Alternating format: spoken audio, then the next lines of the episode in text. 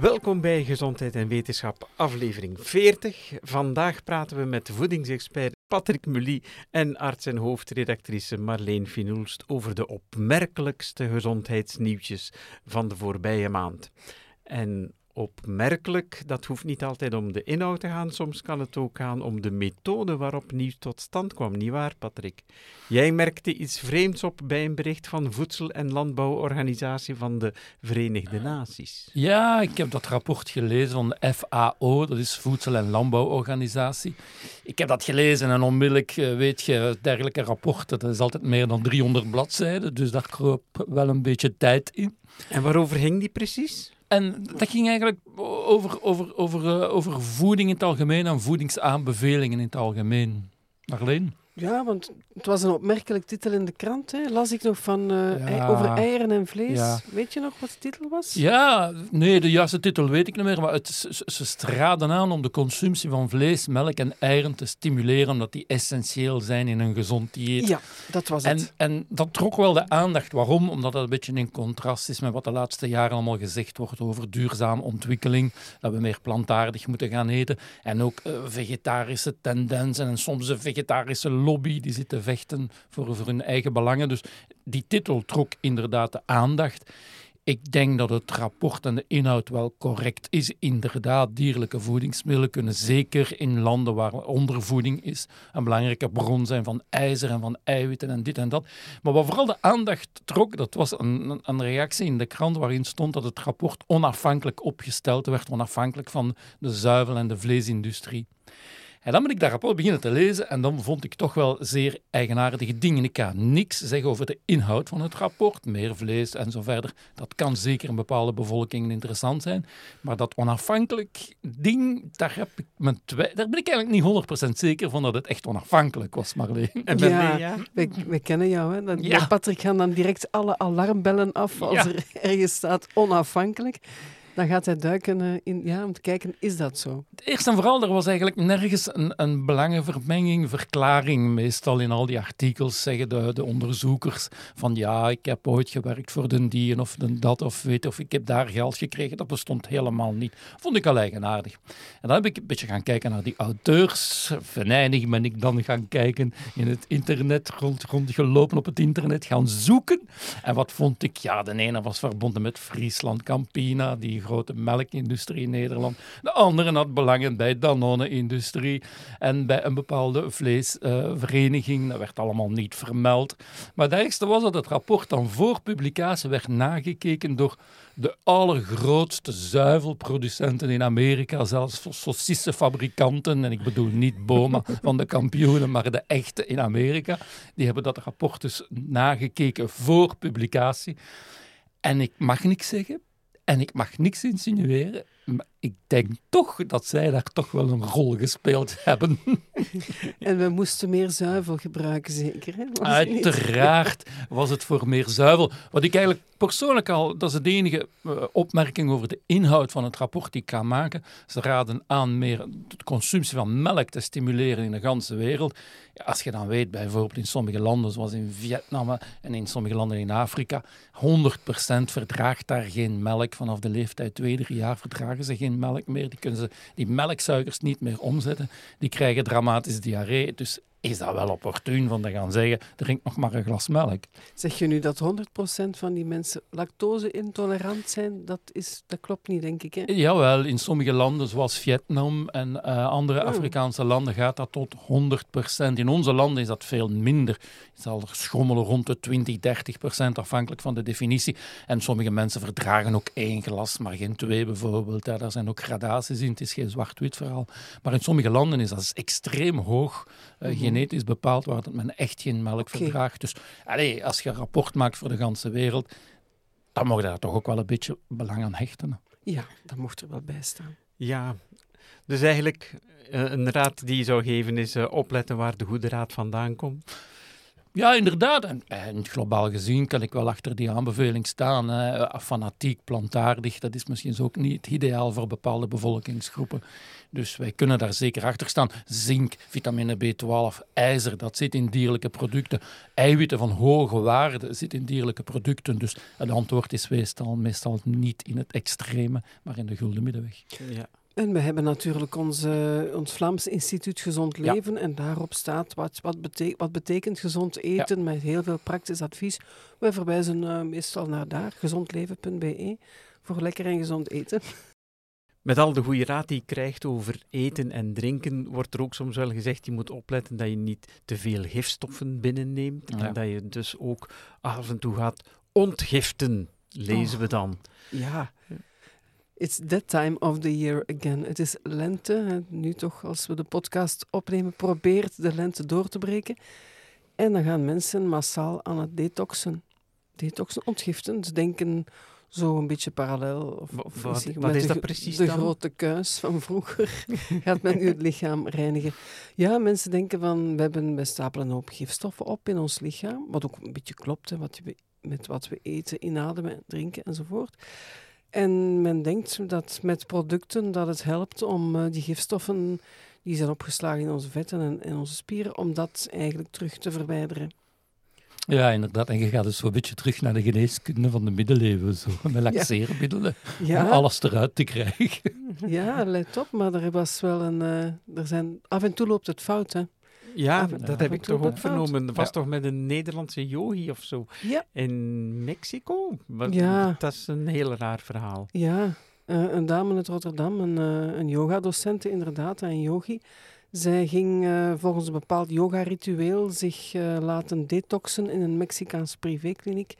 En zij moest, ik denk dat de, de methode Kriya of zoiets in die stijl noemde, Um, hoe dan ook, die, die methode betekent dat je daar eh, 6 liter zout, warm, zout water voor moet drinken op 4 uur tijd.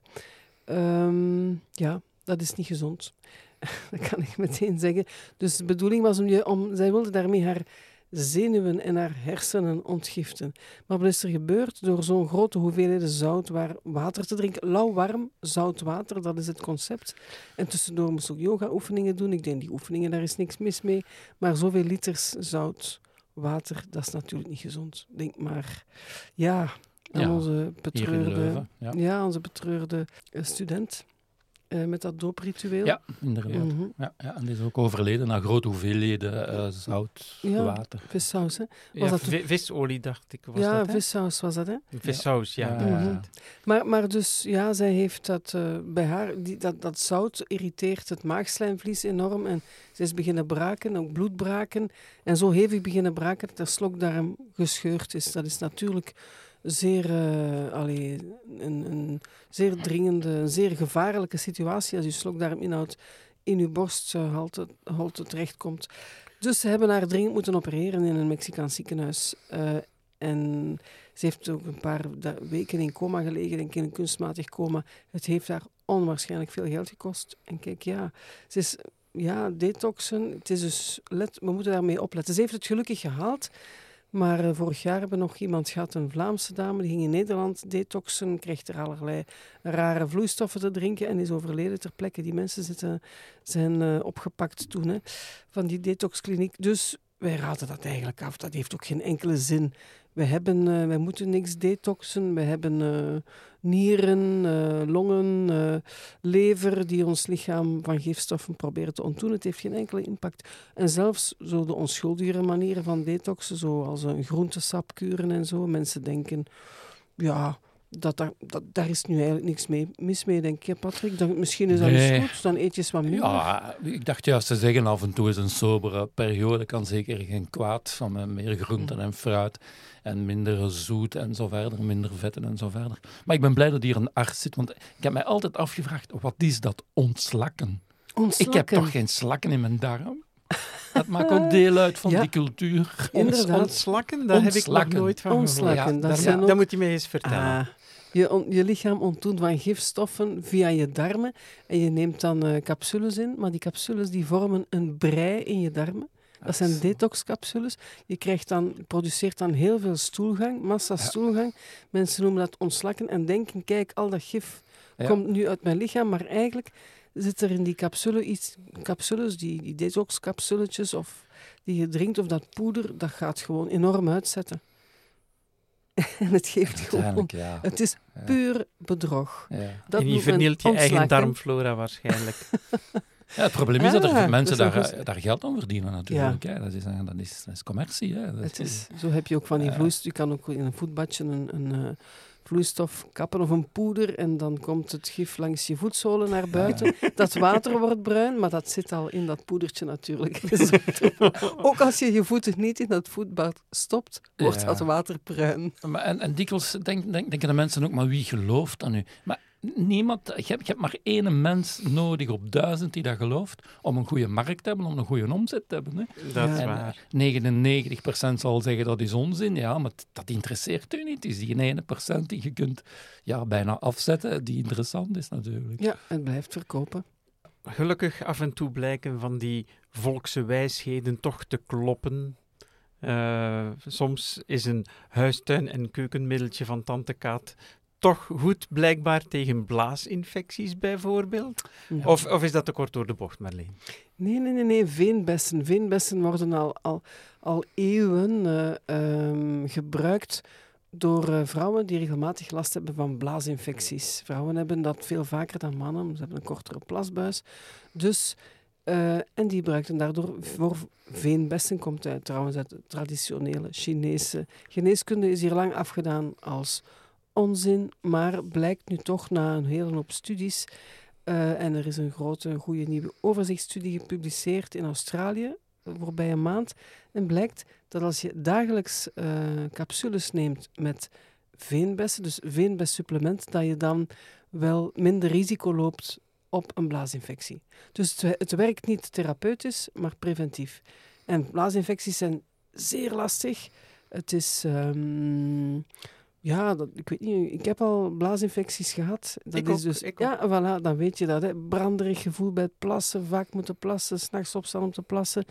Dus vrouwen die dat minstens drie keer per jaar hebben, dan noemt men eh, recidiverende blaasinfecties. Dat is echt wel heel lastig. Dus daar gaat men dan, eh, dan... Ja, die zijn wel wat geholpen met die veenbessen. Maar ze moeten Maar- ze wel het, door, het hele jaar Ja, doornemen. en het is wel voordien dat je het neemt en Ja. niet nadien. Nadien helpt het niet. Ja. Voordien. En ik, ik vind dit een interessant verhaal, want het is dan een oud middel dat dan toch waardevol is. Maar dit, wordt pas, dit, dit eh, besluit wordt pas genomen na degelijk wetenschappelijk onderzoek. Hè. Dat is dus niet geldig voor al die oude middelen van vroeger die toegepast werden. Eerst moeten die deftig, degelijk wetenschappelijk onderzocht worden. Liefst dan nadien een, een overzichtsstudie van interventiestudies. En dan kun je eigenlijk beslissen van ja, het helpt, nee, het helpt niet. Maar je mag niet automatisch denken van alles van vroeger was beter en, en werkt. Dat is niet waar. Mhm, En het siert ook de wetenschap dat men zegt van oké, het werkt wel en nu nemen we het ook aan en we hebben dat ook aangepast op onze website. Maar de inname ervan is met capsules. Ja, het zijn eh, eh, supplementen die je kan kopen. Ik wilde zeggen gratis, maar ik bedoel zonder voorschrift. Gratis zijn ze zeker niet. Bij de, in de apotheken hè, wordt gekocht cranberry supplementen. Je kan ook eh, de cranberry sap drinken. Ah, kan ja, ook. Daar ja, ging ik daar wil je naartoe. Ja, daar wil ik ik zag naartoe. het. ja, ja, kan ook. Ik heb het eigenlijk nog nooit geproefd. Is het lekker? Ik vind het wel lekker. Oké, Ik drink het graag. voilà. Dan ga je geen blaasinfecties krijgen. Joepie. Ik stel voor dat we nog even rond de blaas blijven hangen.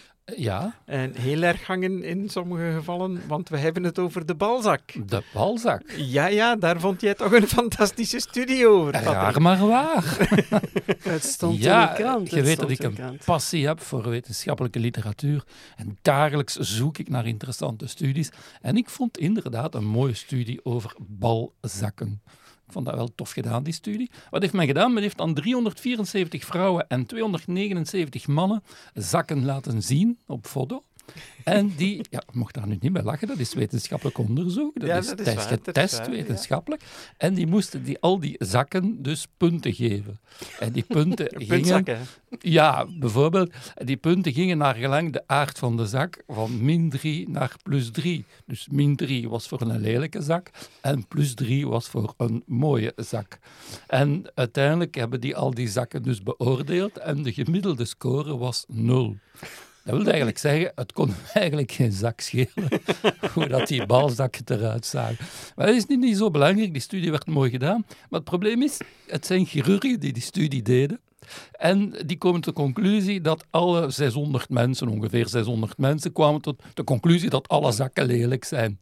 Met andere woorden, moesten alle zakken geopereerd worden. Dat waren Ja. esthetische chirurgen natuurlijk. Ja, er ook nog, niet- ik had er nog persoonlijk nog niet van gehoord, maar het is ook een cosmetische ingreep die in de lift zit. Ja. Het zit echt in de lift. Ik heb het opgezocht en er zijn heel wat plastische chirurgen, ook in, in Vlaanderen, die balzakken gladstrijken. Een chirurgische ingreep waardoor dat die balzak, die huid, wat minder rimpelig uitziet en de, de zaak wat optrekken, wat, de ophanging wat inkorten, denk ik. En dat is een, cos, een cosmetische ingreep, ja, dat is eigenlijk wel... Ik had er nog nooit van gehoord. Nee. En het zijn die chirurgen die naar aanleiding ja, van die cosmetische ingreep, ik denk precies wilden aantonen dat het Ja. toch wel nuttig was. Ja, Maar ze wilden aantonen dat er mooie en minder mooie waren. En als er mooie en minder mooie zijn, dan heeft het nut natuurlijk van een ingreep te doen. Maar als allemaal even lelijk of allemaal nul scoren, onverschillig, dan kunt je je afvragen, Dus, je- waar- waarom zou ik me daar laten opereren? dus hun eigen studie heeft eigenlijk uitgewezen dat het zinloos is. Wel, hun eigen studie was neutraal, nog positief, nog negatief, maar zij kwamen wel tot de conclusie dat alle deelnemers eh, scoorden, eh, dat, dat alle balzakken lelijk waren en dus moest een ingreep eh, gebeuren. Er moest een ingreep gebeuren. Dus uiteindelijk interpreteren zij hun studie eigenlijk in hun voordeel. Van ja, de operatie is nodig, want die mensen hebben gezegd dat ze lelijk waren, die balzakken. Terwijl dat die mensen gewoon zeiden van ja, kijk, eh, lang, kort, scheef, recht, het heeft allemaal weinig belang. En bovendien zou je moeten voor en na een operatie toch Ja. kunnen vergelijken. Hè? Dat hebben ze Ja. ook niet gedaan. Hè? Dat hebben ze niet gedaan. En wat ze wel gedaan hebben, dat vond ik wel leuk. Ze hebben gekeken naar het karakter van de deelnemers. En Oei. ja, de theorie was volgens hen dat extroverse, extroverte mensen hebben meer seks, dus hebben ze meer balzak gezien.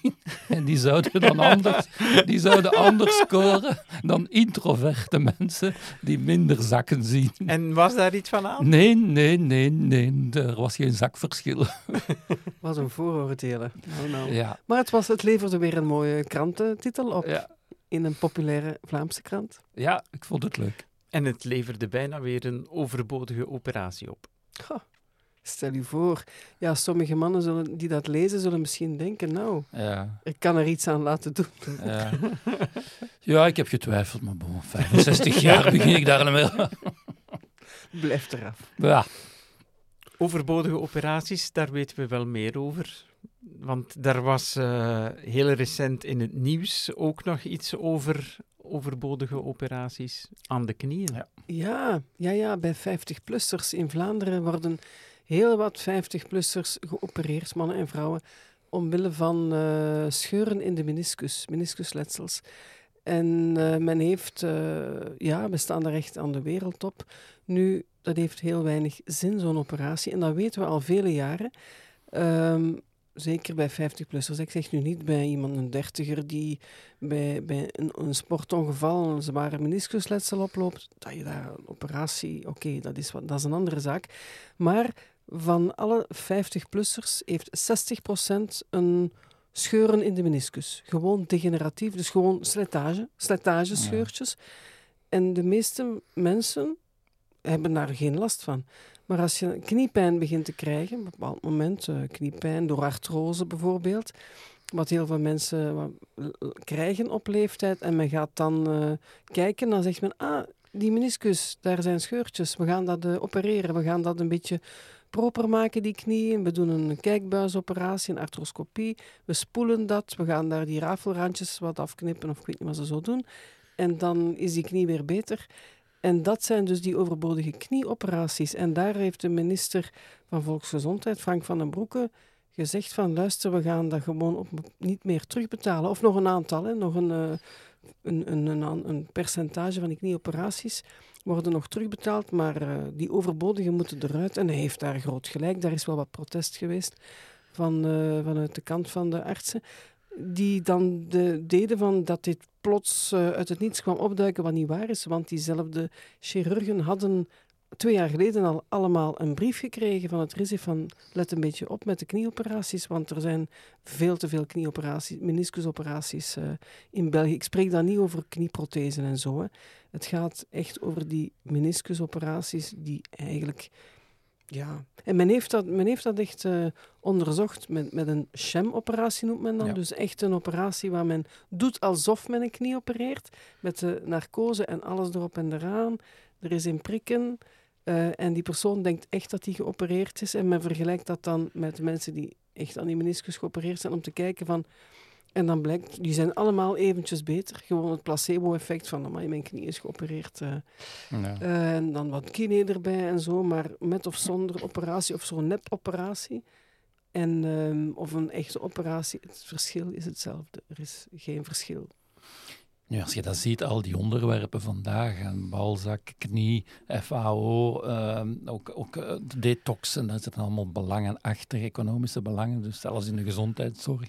Ja, dat is toch wel een plaag. Ja, ja dat is, er is wel wat uh, overconsumptie en ja. overbehandeling.